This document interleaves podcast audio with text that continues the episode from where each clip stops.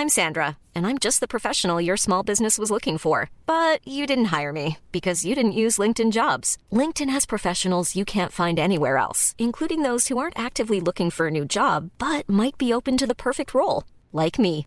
In a given month, over 70% of LinkedIn users don't visit other leading job sites. So if you're not looking on LinkedIn, you'll miss out on great candidates like Sandra. Start hiring professionals like a professional. Post your free job on linkedin.com/people today. Quality sleep is essential. That's why the Sleep Number Smart Bed is designed for your ever evolving sleep needs. Need a bed that's firmer or softer on either side? Helps you sleep at a comfortable temperature? Sleep Number Smart Beds let you individualize your comfort so you sleep better together. JD Power ranks Sleep Number number 1 in customer satisfaction with mattresses purchased in-store. And now, save 50% on the Sleep Number limited edition Smart Bed for a limited time. For JD Power 2023 award information, visit jdpower.com/awards. Only at a Sleep Number store or sleepnumber.com. Hey, it's Ryan Reynolds, and I'm here with Keith, co star of my upcoming film, If, only in theaters, May 17th. Do you want to tell people the big news? All right, I'll do it. Sign up now and you'll get unlimited for $15 a month in six months of Paramount Plus Essential Plan on us. Mintmobile.com slash switch. Upfront payment of $45 equivalent to $15 per month. Unlimited over 40 gigabytes per month. Face lower speeds. Videos at 480p. Active Mint customers by 531.24 get six months of Paramount Plus Essential Plan. Auto renews after six months. Offer ends May 31st, 2024. Separate Paramount Plus registration required. Terms and conditions apply if rated PG. Vi är denna vecka sponsrade av Indie Beauty. Och Sofie, det här tycker jag är extra fint och extra roligt.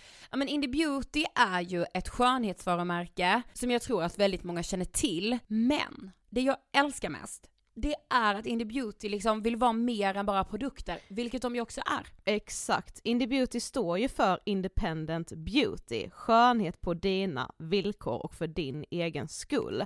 Och Indie Beauty tror ju stenhårt på ett alternativt skönhetsideal fritt från måsten, skam och känslor av otillräcklighet. Där är jag helt med Indie Beauty. Jag med. Det är så jag vill att skönhet ska vara. Ja men verkligen. Och vet du vad som är nytt för i år Sofie? Berätta. Från och med i år så skänker Indie Beauty 1% av sin försäljning till Suicide Zero, Tjejzonen och Djurens Rätt. Så när man handlar produkter från Indie Beauty så kan man liksom känna att man också ger tillbaka till samhället. Ja, kraften i tillsammans. Ska jag säga en sak nu då, Mm. som jag, det, men det är detta jag är extra glad över.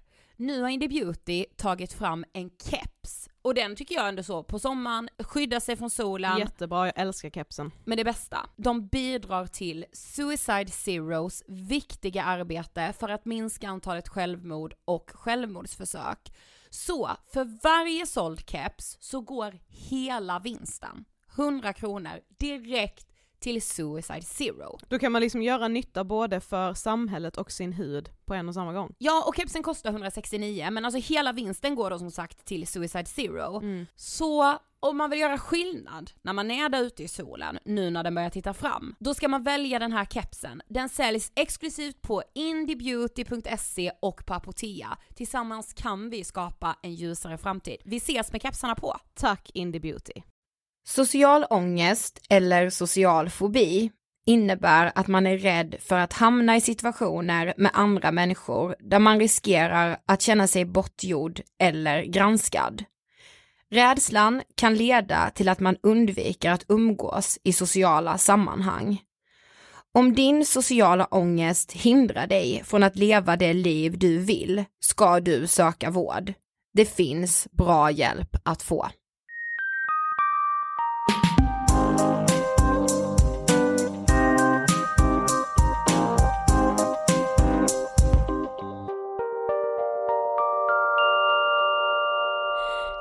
Allihopa och hjärtligt välkomna till avsnitt 83 av Ångestpodden! Hej och välkomna! Känns bra att vara här återigen. Ja, för nu är det torsdag igen. Mm. Och det älskar vi ju. Mm. Ja, jag gillar faktiskt torsdagar. Men det är klart, Ja. Ångestpodden är lika med torsdag. Ja, jag men då det älskar känns så här, man börjar, man kan känna doften av helg och... Gillar man den här torsdagen lite mer? Eh, ja, det gör man.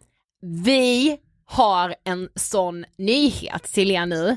Mm. Så att, nej men alltså jag och Sofia har ju trillat av pinnen nästan. Alltså på riktigt hörni. Alltså Ja. vi har nästan gjort det. och om vi inte har gjort det ännu så kommer vi ju definitivt eventuellt hinna göra det innan vi liksom ska göra det här som vi ska berätta för er nu. Okej det där var verkligen så invecklat. Okej, den 10 september kommer vi livepodda i Globen! Ah! alltså seriöst. Ja lite så känner jag.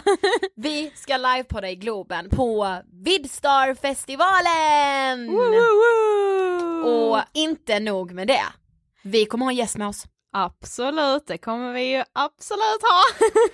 Och, äh, men jag, jag in, alltså, jag säger så här ofta, jag älskar ju henne, jag älskar ju honom. Så säger jag ofta, Mm. nej nej. Grejen är, jag kan redan avslöja en grej. När jag såg den här personen på Summerburst, Mm. sprang jag fram och högg tag för att jag fanar så mycket. Kom du ihåg det? Ja, du jag bara, minns. ska du verkligen? Jag bara, hörde inte ens dig, jag bara var framme och Nej högg men när jag sa det var du redan iväg liksom. Det är det jag menar. Jag bara såg ett moln efter dig. Ja men det är det jag menar, så mycket älskar jag den här personen. Mm. Vi kommer gästas av Thomas Sekelius! Säger jag igen älskar det här! Och för er som inte vet vad Vidstar-festivalen är för någonting så är det en festival som alltså kommer hållas i Globen den 10 september. Eh, och det är en YouTube-festival eh, med massa youtubers och det kommer vara massa happenings där hela dagen. SVT kommer vara där och hålla i lite grejer. Vi kommer som sagt vara där och Ja! livepodda och göra lite andra saker också. Eh, det är massa youtubers som kommer vara där och ha meet and greets och de kommer göra massa saker på stora scenen. Eh, det kommer vara så framträdande på kvällen från massa kända artister. Alltså ja, man kan Men bara ni hör ju, alltså ni hör ju, men alltså det viktigaste för oss det är ju att någon av er kommer dit och stöttar oss. Ja, och gärna sitter liksom längst fram och kanske med något litet plakat där det står vi älskar ångestpodden. Och kanske så här att ångestpodden är bäst. Nej jag skojar, vi var så här, okej, eh, nej men alltså på riktigt hörni, okej nu överdrev vi, men alltså vi blir så otroligt glada om ni kommer dit på vår ja, livepodd. det vill vi ju. Vi Ja. vill ju ha fullsatt Glob. Ja men okej det är Filip och Fredrik som har livepoddat i Globen innan och nu är det vi. Nu är det ångestpodden också. Jag är så blown away, jag älskar det här och det ska bli så kul! Ja, eh, biljetter köper man på vidstarfestival.com. Ni kan gå in på deras eh, Instagram-sida, vidstarfestival heter de bara där, eh, och så kan ni se vilka youtubers det är som ska dit och vad, lite så här vad som händer och så finns det länk där till hemsidan där man också kan läsa lite så vad som händer och där man kan köpa biljetter alltså. Men 10 september, skriv in det i kalendern och kom. Så ses vi. Yes. Gud vad fantastiskt. Mm. Okej, veckans ämne. Ja, Det här är så önskat. ja det är det verkligen. Och grejen var, eh, innan liksom vi bestämde oss för det här ämnet Mm. så tänkte jag så här. jag tänkte nog att det inte var så vanligt. Mm. Och sen insåg jag att det är en av de vanligaste ångestrelaterade sjukdomarna som finns. Ja, det är helt, alltså det är helt galet. Verkligen. Ja, men det är väl också lite så här för att den här psykiska ångesten som medför det här ämnet som vi ska prata om idag, som Mm. alltså är social fobi, för det har ni ju redan sett i, Precis. på avsnittet. Det, det känns som att det är så lätt att dölja det, för man Mm. kan ju bara undvika de situationerna där det blir jobbigt. Ja men exakt, det är ju det man gör. Ja, Och så här, social fobi kommer vi säga, och det använder vi oss av. På eh, 1177 Vårdguiden står det social ångest och det jag läste i början för er, det kommer från 1177. Yes. Och med oss idag har vi ju en gäst, för vi har ju själva inte social fobi Ida. Nej. Så med oss idag har vi Erik Jonathan Bergström som driver Ångestskolan. Ja men det tycker jag är så himla härligt. Mm. Vi är Ångestpodden, han kör Ångestskolan. Yes. Ja, jag Och, tycker det är så härligt. ja, och många av er kanske till och med har lyckats se hans eh, klipp, för han gör så här YouTube-klipp som han lägger ut på Facebook bland annat, Mm. eh, där han beskriver många olika ångestsjukdomar. Men alltså han gör ju det på ett så himla bra sätt. Ja, så jäkla pedagogiskt. Ja vadå, jag fick filmen länkad till mig eh, som han hade gjort om panikångest. Och det har jag ju haft själv och då har man så väldigt mycket så här, bara en bild av så här, så här är det, så här upplevs det. Mm. Alltså exakt så. Den där filmen hade jag kunnat ge till vem som, eller så här, visa för vem som helst Mm. när jag var eh, som sjukast och bara det är det här jag går igenom just nu, så här känns varje dag för mig. Mm. Eh, och visa den filmen för man förstod verkligen och så är det med alla hans filmer. Mm. Så gå in och likea Ångestskolan eh, på Facebook. Mm. Det är väldigt många som har kollat på de här klippen så de, alltså de hjälper verkligen. De Mm. är väldigt, väldigt bra. Vad tyckte du om intervjun med Erik? Eh, fantastiskt inspirerande Ja. skulle jag vilja säga. Och alltså jag lärde mig jättemycket. Ja. Alltså som jag sa, det var så här innan intervjun så tänkte jag nog så här, jag har koll på det här ämnet. Sen insåg jag att bara, nej det har jag inte. Nej. Nej men jag var typ lite nervös också för att jag tänkte typ så här. Vi visste ju Eriks bakgrund, Mm. att han liksom har lidit av social fobi och så här. Och jag tänkte typ, undra hur jag ska vara liksom för att han ska känna sig trygg typ. Ja, du vet, han bara kände sig himla lugn och trygg hela Ja. tiden. Alltså så här, det var Visst typ nu mådde som... han ju relativt bra Ja. liksom. Jo men man utgår ju från att så här, ja men då, då, då är han, han kommer han alltid ha social fobi. Mm. Men vi har ju lärt oss att så är det inte. Exakt. Så eh, jag tycker att vi rullar intervjun med Erik Bergström om social fobi. Varsågoda!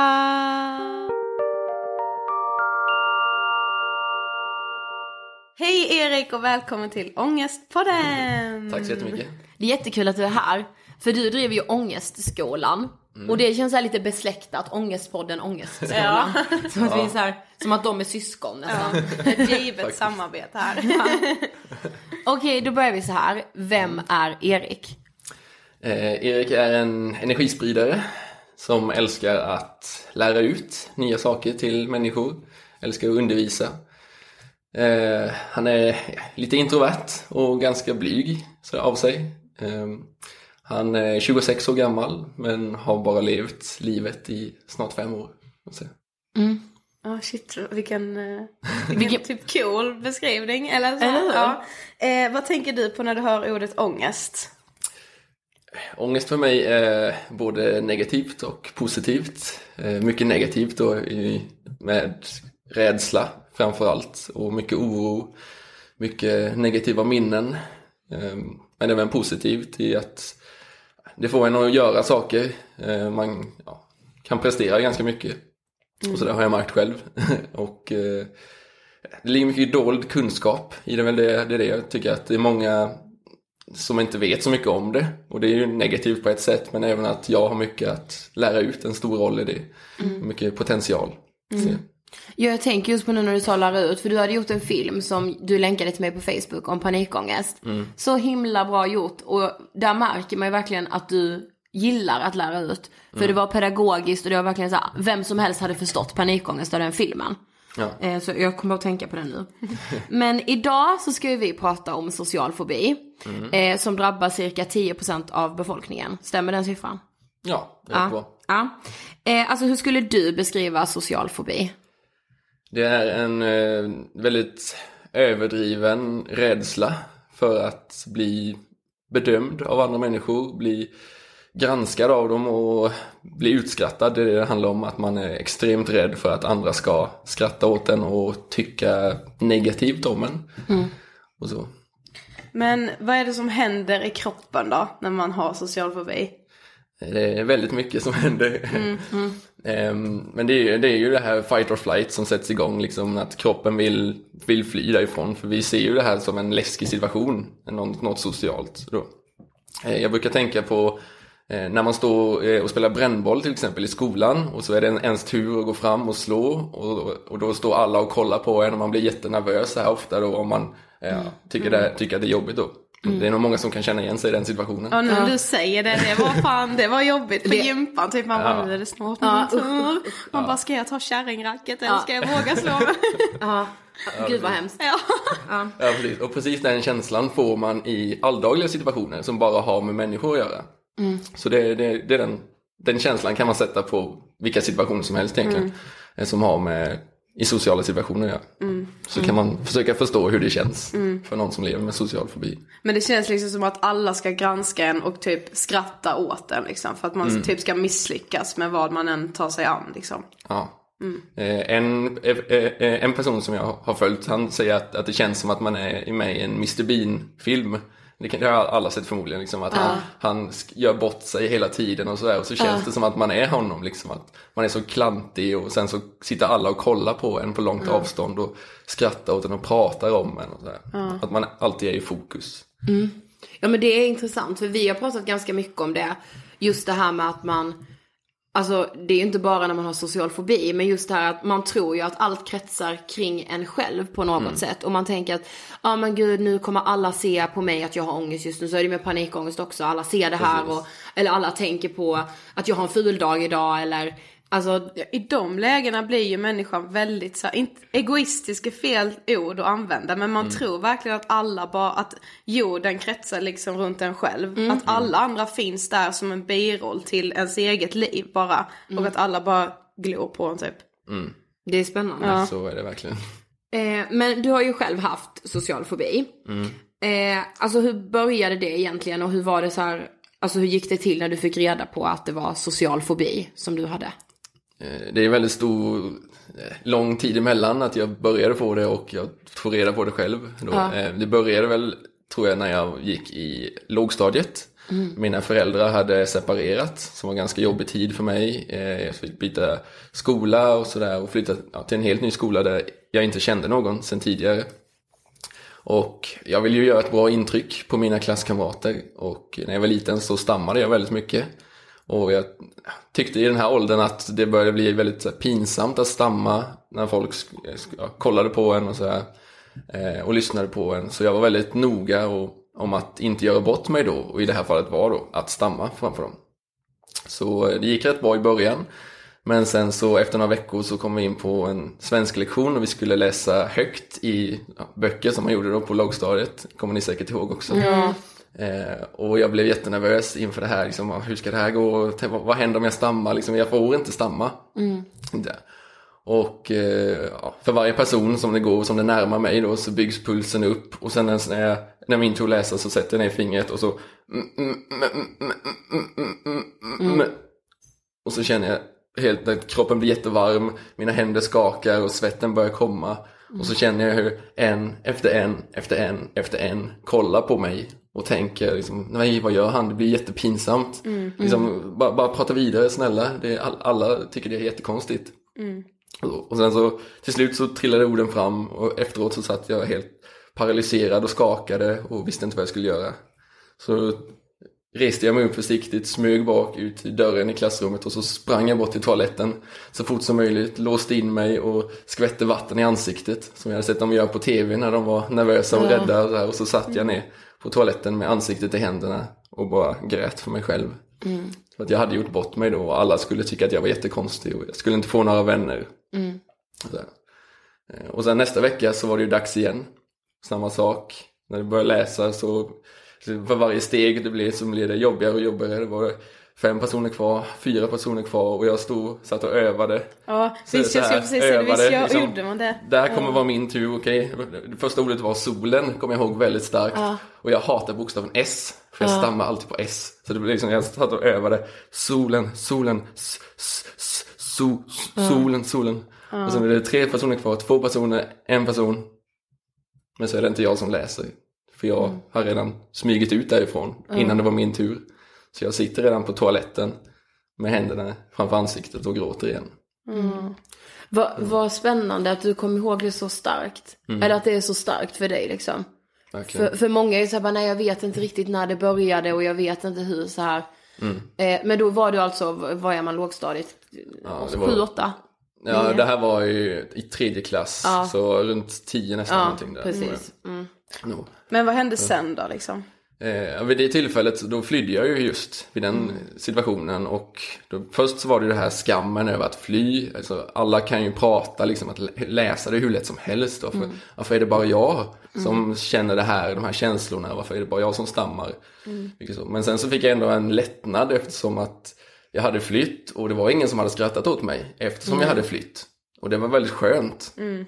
Och det var det som blev det onda mönstret här då, att jag lärde mig att ja, men om jag flyr en jobbig situation så är det ingen som kommer skratta åt mig. Så det blir, det, det blir skönt för mig på ett kortsiktigt sätt såklart. Eh, Men på ett långsiktigt sätt så får det massa konsekvenser då, att man undviker jättemycket situationer. Och det är det som social fobi är också.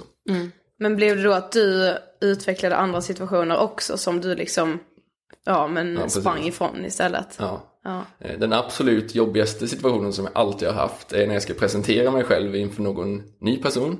För då stammar jag alltid. Eh, och ja, vi har inte sagt det än, men eh, som ni vet nu så är mitt namn Erik. Men jag föddes ju som Jonathan. Eh, och ja, när jag var eh, 20 år gammal så bytte jag mitt namn från Jonathan till Erik. För jag kunde inte säga Jonathan utan att stamma. Och eh, det ju det också som, det var där jag märkte också att nu har den här fobin total kontroll över mig. För liksom jag, jag, jag undvek ju den här situationen, det var ju värre än att dö i princip i, mi- i mitt huvud. Ja.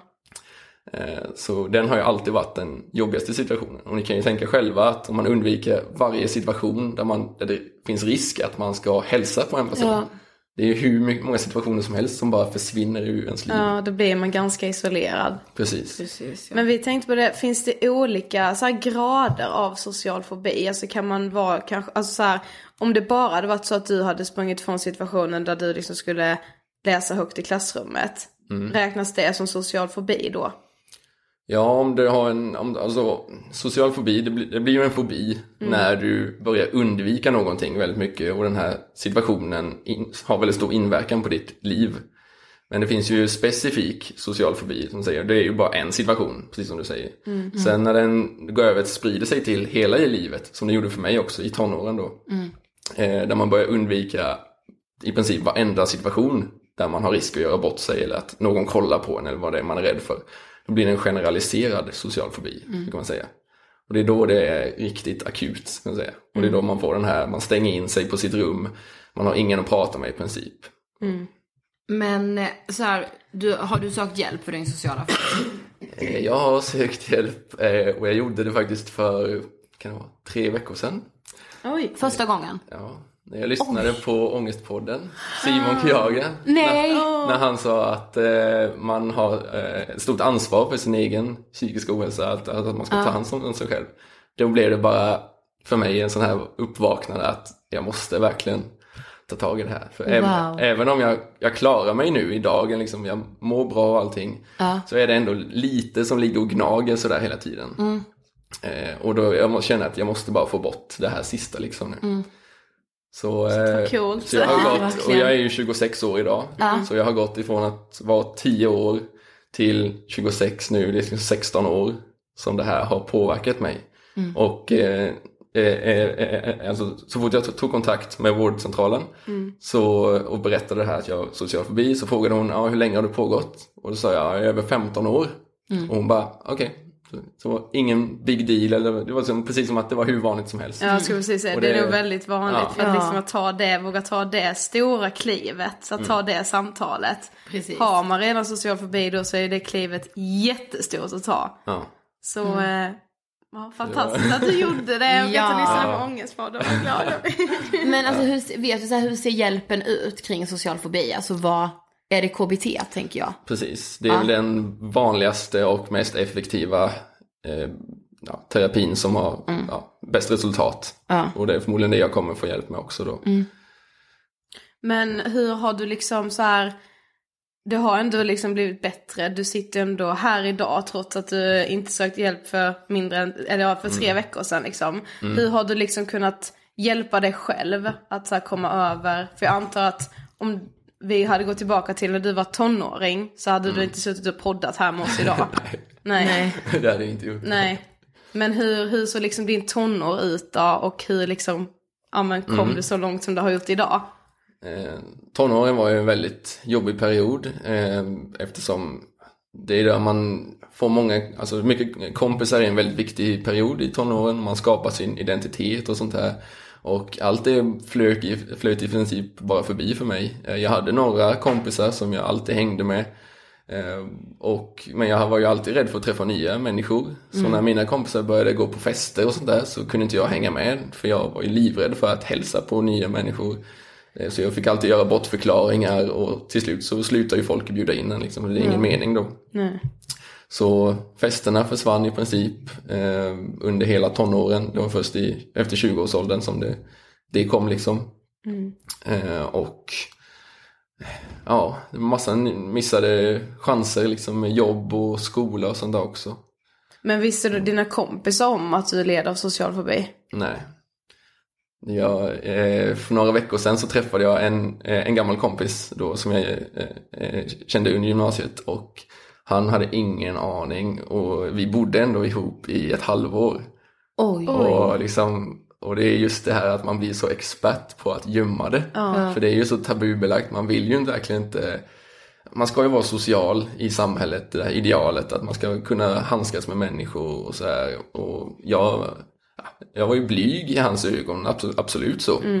Men aldrig att det var ett problem som han såg det. Han, han blev jättechockad. Hiring for your small business? If you're not looking for professionals on LinkedIn, you're looking in the wrong place. That's like looking for your car keys in a fish tank.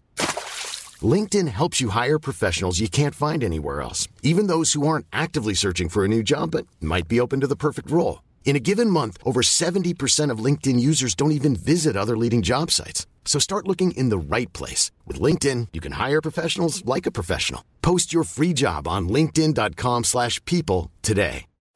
Life is full of what ifs. Some awesome, like what if AI could fold your laundry? And some, well, less awesome, like what if you have unexpected medical costs? United Healthcare can help get you covered with Health Protector Guard fixed indemnity insurance plans. They supplement your primary plan to help you manage out of pocket costs. No deductibles, no enrollment periods, and especially no more what ifs. Visit uh1.com to find the Health Protector Guard plan for you. Quality sleep is essential. That's why the Sleep Number Smart Bed is designed for your ever evolving sleep needs. Need a bed that's firmer or softer on either side? Helps you sleep at a comfortable temperature? Sleep Number Smart Beds let you individualize your comfort so you sleep better together. JD Power ranks Sleep Number number 1 in customer satisfaction with mattresses purchased in-store. And now, save 50% on the Sleep Number limited edition Smart Bed for a limited time. For JD Power 2023 award information, visit jdpower.com/awards. Only at a Sleep Number store or sleepnumber.com. Ja, Så. shit. Men eh, alltså, kan man så här födas med social fobi eller drabbas man bara när som helst i livet? Det är ju lite skillnad över vad forskarna säger där. Eh, Men man kan absolut få en, alltså det kan absolut hänga med i arvet som man får av sina föräldrar. För det läste vi ändå att, man, att vissa som drabbas har fått det liksom genom det sociala, eller ja, genom det ah, genetiska arvet. Precis. Men det är väl mer att man är lätt, lättare, mer känslig skulle jag nog säga i så fall. Eh, majoriteten får det ju genom ett trauma. Som för mig då att folk skrattar åt en, folk härmar en när man gör någonting. Som härmar när jag stammar till exempel och sådär. Eh, så det är ju absoluta majoriteten. Sen är det även vissa får det genom sina föräldrar, både genom arvet och sen så om föräldrarna är väldigt tillbakadragna och tycker det här att människor är ju liksom hemska, så här, Ja. rädda för människor, då lär ju sig barnen det också att man ska vara rädd för den här situationen.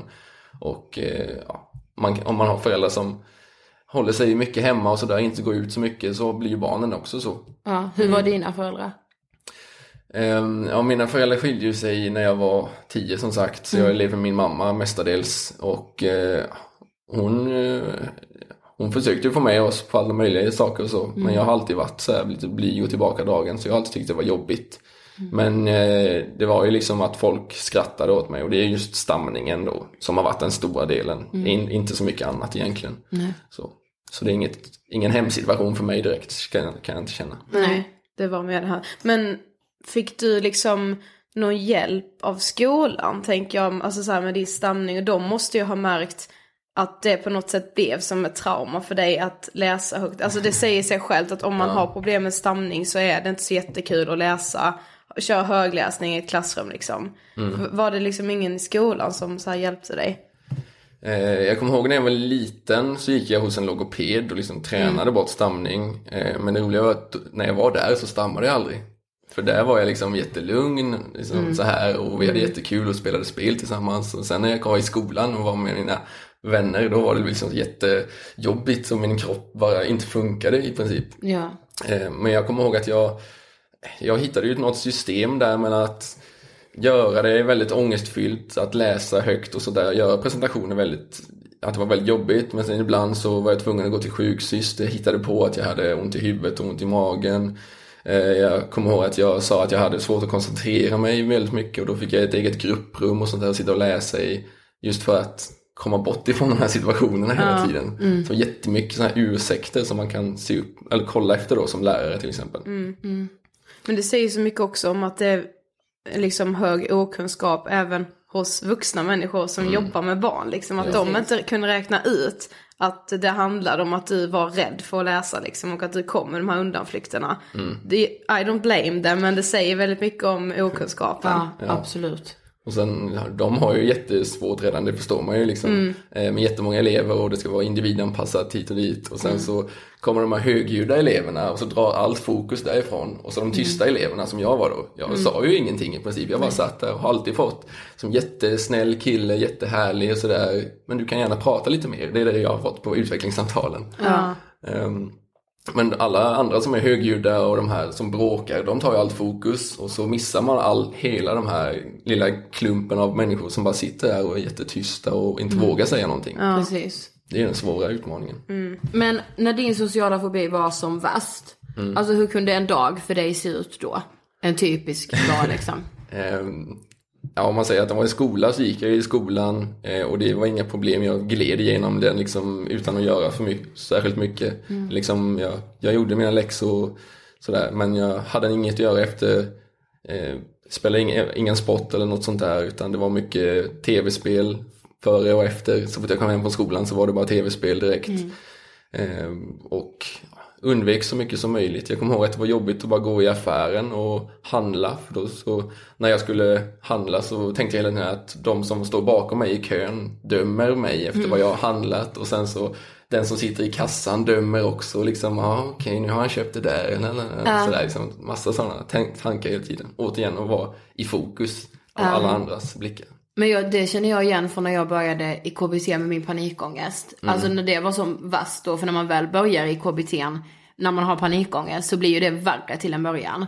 Och när det då blev som allra värst, då minns jag också en gång när jag skulle handla. Och då tänkte jag exakt som du säger, jag bara, ja men alltså alla i kön, alla bakom, nu tänker bara varför handlar hon det och vad, alltså så här, nu, nu dömer de mig helt och hållet som person. Och så här, ett, om de hade gjort det, så det, så, det spelar väl ingen roll, det är inga människor du kommer träffa igen. Och två, va, varför skulle de ens göra det? Men det är så sjukt hur det blir så i hjärnan liksom. Man får, alltså, förmodligen så är det kanske någon mer i kön som står och tänker att du dömer henne för vad hon Ja. ska handla. Det är det som är så jäkla sjukt. Det är så sjukt. Det är så här, Varför skulle allt fokus ligga, alltså alla tänker att fokus ligger på dem själva. För man är, människan är ju sån liksom. Ja. Men kan man bli helt frisk ifrån social fobi och hur lär man sig liksom leva med social fobi? Man kan ju absolut bli frisk från social fobin men alla har ju en viss grad av social ångest. Om man säger. så. Den är ju viktig för oss för att vi ska överleva. Om man går tillbaks till när vi levde i jägar och samlarsamhälle och så här då var det ju viktigt att man skulle passa in i gruppen och det är därifrån det kommer också. Att de som var, gjorde uppror och sånt här, de blev kanske dödade. Och sen de som höll sig tillbaka och liksom le, lät ledaren leda gruppen, de överlevde och fick sprida sina gener vidare. Och så har det blivit så här hela tiden, att man skickade vidare. Ehm, så det har ju varit bra liksom, och det är viktigt för oss som sagt som människor att man har en viss grej. Så här, nej, vi kan, kan ska göra det, då gör jag bort mig för mycket. Så. Men hur lärde du dig att leva med din sociala fobi?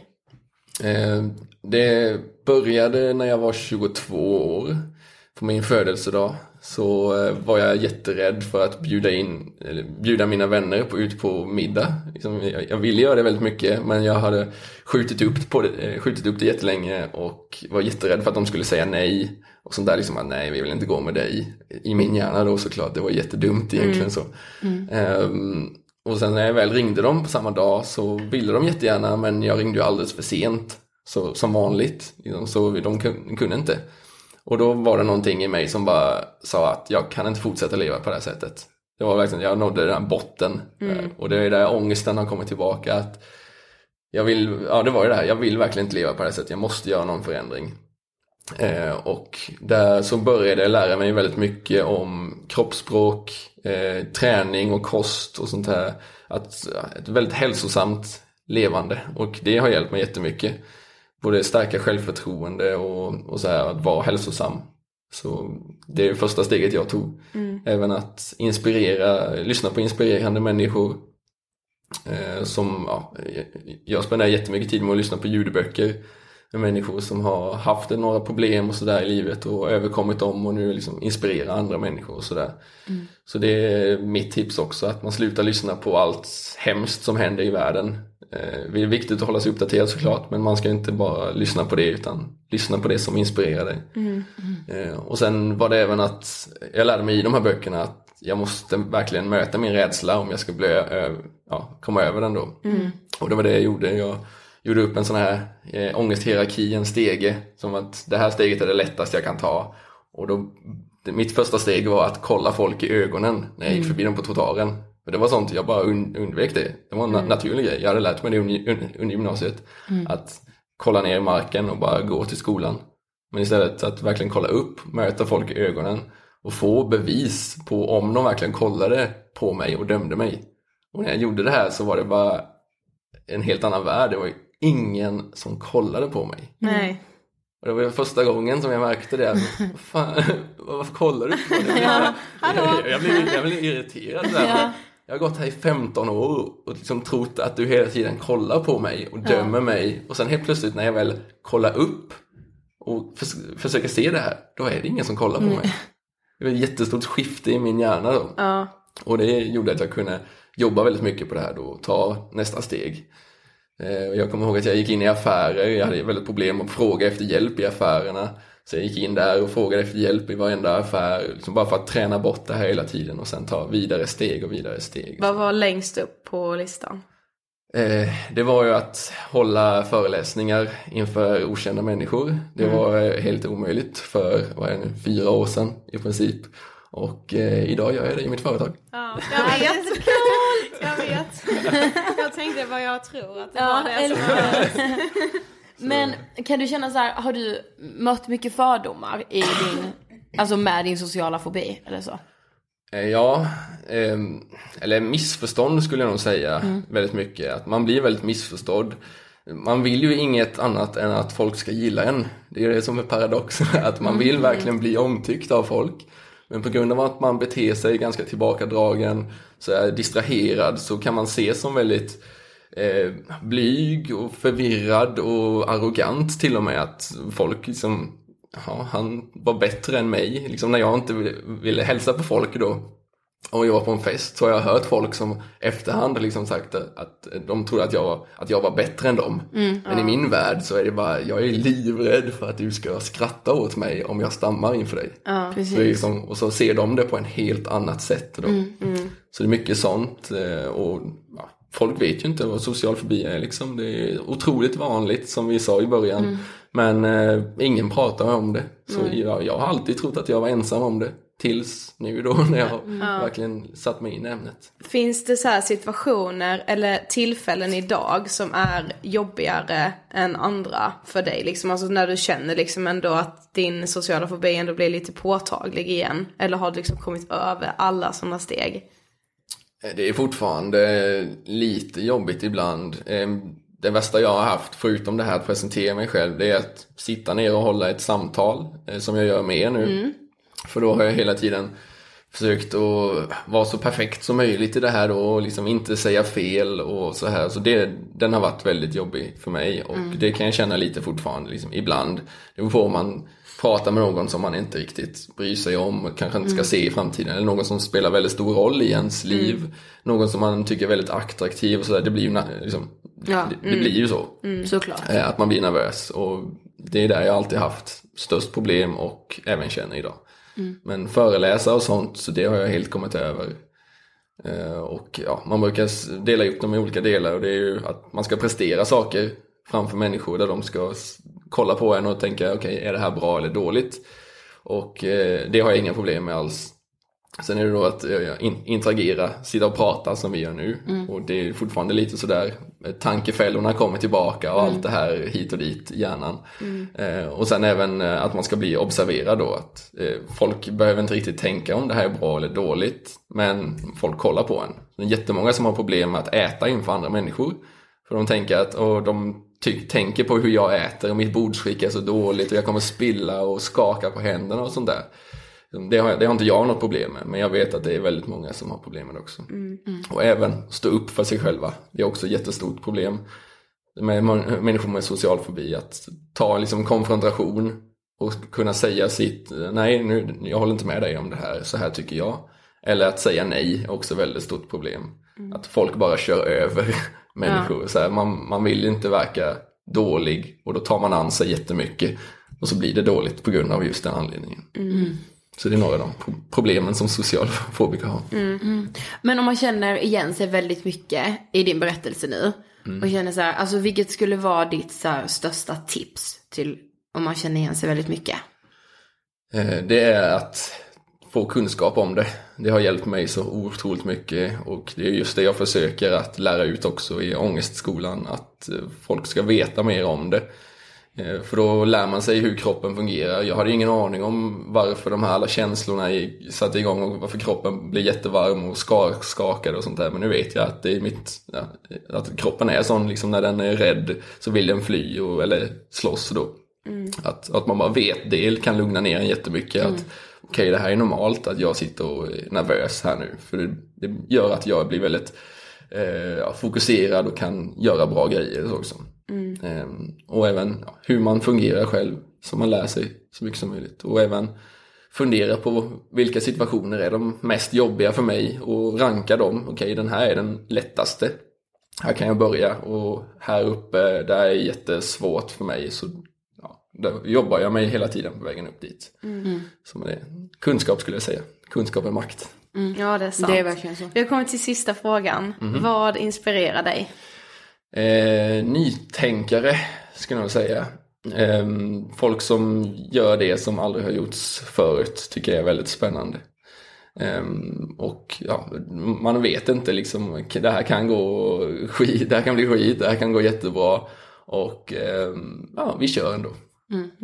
Så, Kul, tack så jättemycket för att du ville gästa Ångestpodden. tack så jättemycket för att jag fick vara här. Stort tack.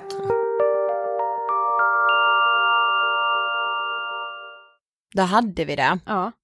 Fantastiskt. Alltså jag älskar det här med att Erik har liksom verkligen själv haft och lidit verkligen av social fobi. Mm. Och nu liksom föreläser han för liksom flera hundra Du, åt gången. Ja, Alltså på riktigt. ja.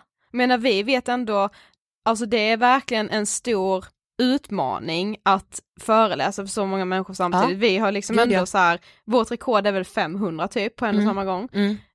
Det är liksom en pass. Ja men gud ta sig ja. igenom detta, alltså det är skitkul Ja men det är och ju, då är du och jag ändå två. Vi Ja. är ändå varandra. vi är två och vi har inte haft social fobi. Nej och det är så här, jag kan gå och ta dig i handen om jag vill och bli jätterädd Mm, liksom. Precis, och vi kan liksom så här precis rädda varandra Ja lite gud skulle ja det har vi ju gjort någonting. liksom jättemånga gånger. Ja, ja, ja. Mm. Men alltså han gör det, ja, det, är, det är hjälte, alltså Mm. det är verkligen det. Mm. Men eh, som det här som Erik sa till oss efter intervjun, det finns personer som har som mål att bara så här, till exempel, jag ska ringa fem samtal det här året. Mm. Alltså tänk att så här, det är en målbild, då förstår man hur viktigt det är att prata om den här sjukdomen. Det är så här, det ska inte sitta folk och bara, alltså så här, bara säga, alltså det är ju inte bara för den personen Nej. som är sjuk. Nej, nej, Men så här, att ringa fem samtal, alltså vi måste prata och göra den här diagnosen synlig så att Mm. Andra människor förstår och så att liksom man förstår att det går att bli frisk. Mm. Ja men det är så, för jag satt och läste lite på så här ångestskolans eh, så här kommentarer och sånt i kommentarsfältet och då var det liksom just någon som bara shit vad skönt det är liksom att du tar upp det här eh, även om liksom jag tycker att det är jättejobbigt att ta de här samtalen, det tycker jag fortfarande och du får då låta så himla enkelt, det är det kanske inte men det är ändå Nej. skönt att någon liksom lyfter det, för Mm. det är liksom så otroligt jobbigt när man Ja. är i det. Men ja, stort tack till Erik som, eh, sen så jag eh, satt ju som sagt och kollade hans kommentarsfält och jag tyckte han hade lagt in en väldigt viktig kommentar själv på en av Mm. sina videos. Eh, nu kommer jag inte ihåg vilken, om det var så här under panikångest eller om det var under ADHD eller något så här, han har Ja. gjort massa videos Ja. här ju.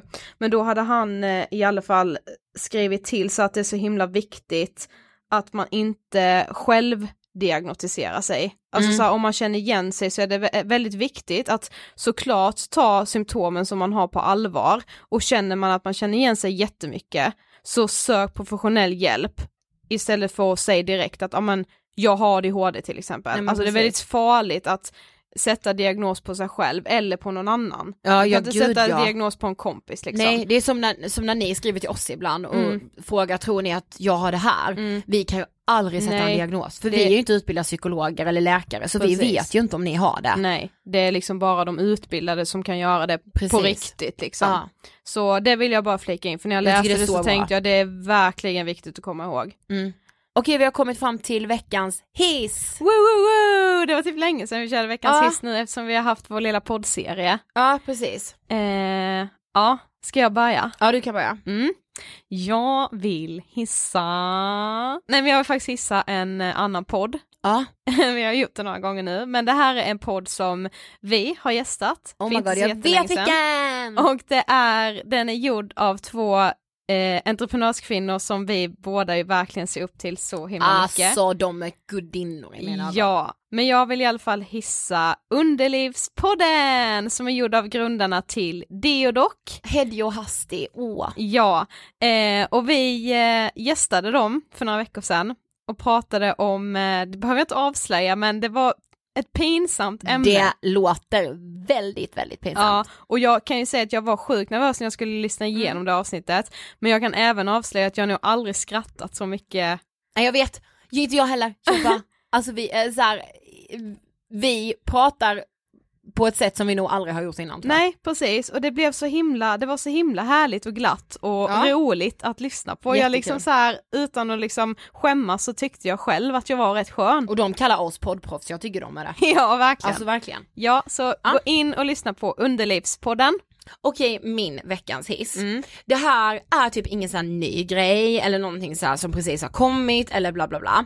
Men som jag nämnde, har nämnt till er nu typ hur många veckor som helst så har jag haft lite ont i hjärtat och då menar jag inte ont i hjärtat som att eh, det är något fel på mitt hjärta utan det har varit lite trasigt, ni vet när man hjärtekrossad helt Det enkelt. känns för mycket. Exakt, och då brukar jag, ja men för det första så skriver jag mycket, för det, jag tycker det är skönt. Men för det andra så läser jag också otroligt mycket om, ja men olycklig kärlek, för att det på något sätt är så skönt att känna igen sig. Eh, och jag brukar läsa Sandra Beijer. Mm. Eh, Allt hon, allt hon skriver tycker jag är fantastiskt och eh, hon har gästat oss och pratat kärlek, det gjorde hon Mm. tidigt. Åh, vi var så nervösa då. Vi var så nervösa. Ja, Men, i ja. alla fall, eh, så då googlade jag Sandra Beijer texter om kärlek och då finns det ett inlägg där hon har samlat alla sina texter om kärlek och jag vill Åh. verkligen tipsa om det. För det är, alltså det är så fantastiskt fina texter. Så vadå man bara googlar? Ja, skriv så här Sandra Beijer texter om kärlek så Okej, kommer det. Okej. Mm. Mm. Det ska jag också göra. Ja men alltså grejen är jag skulle kunna typ tapetsera med de texter, alltså de, de, alltså jag, Mm. ja, Ja, det ja, var så. ja, det var jag så. Där hade ni veckans avsnitt hörni. Ja. Återigen stort tack till Erik som ville dela med sig av sin erfarenhet av social fobi. Ja tack snälla Erik, det Ja. var så härligt att du gästade Ångestpodden. Verkligen, vi är jätteinspirerade av dig.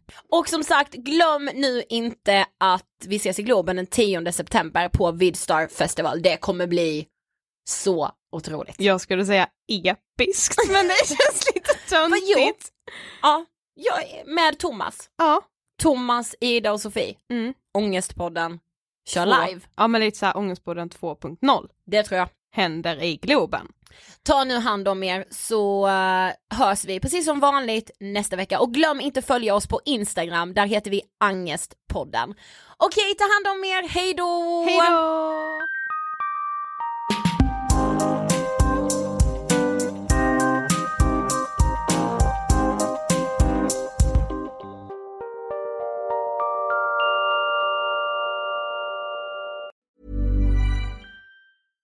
Hey, it's Paige DeSorbo from Giggly Squad. High quality fashion without the price tag. Say hello to Quince.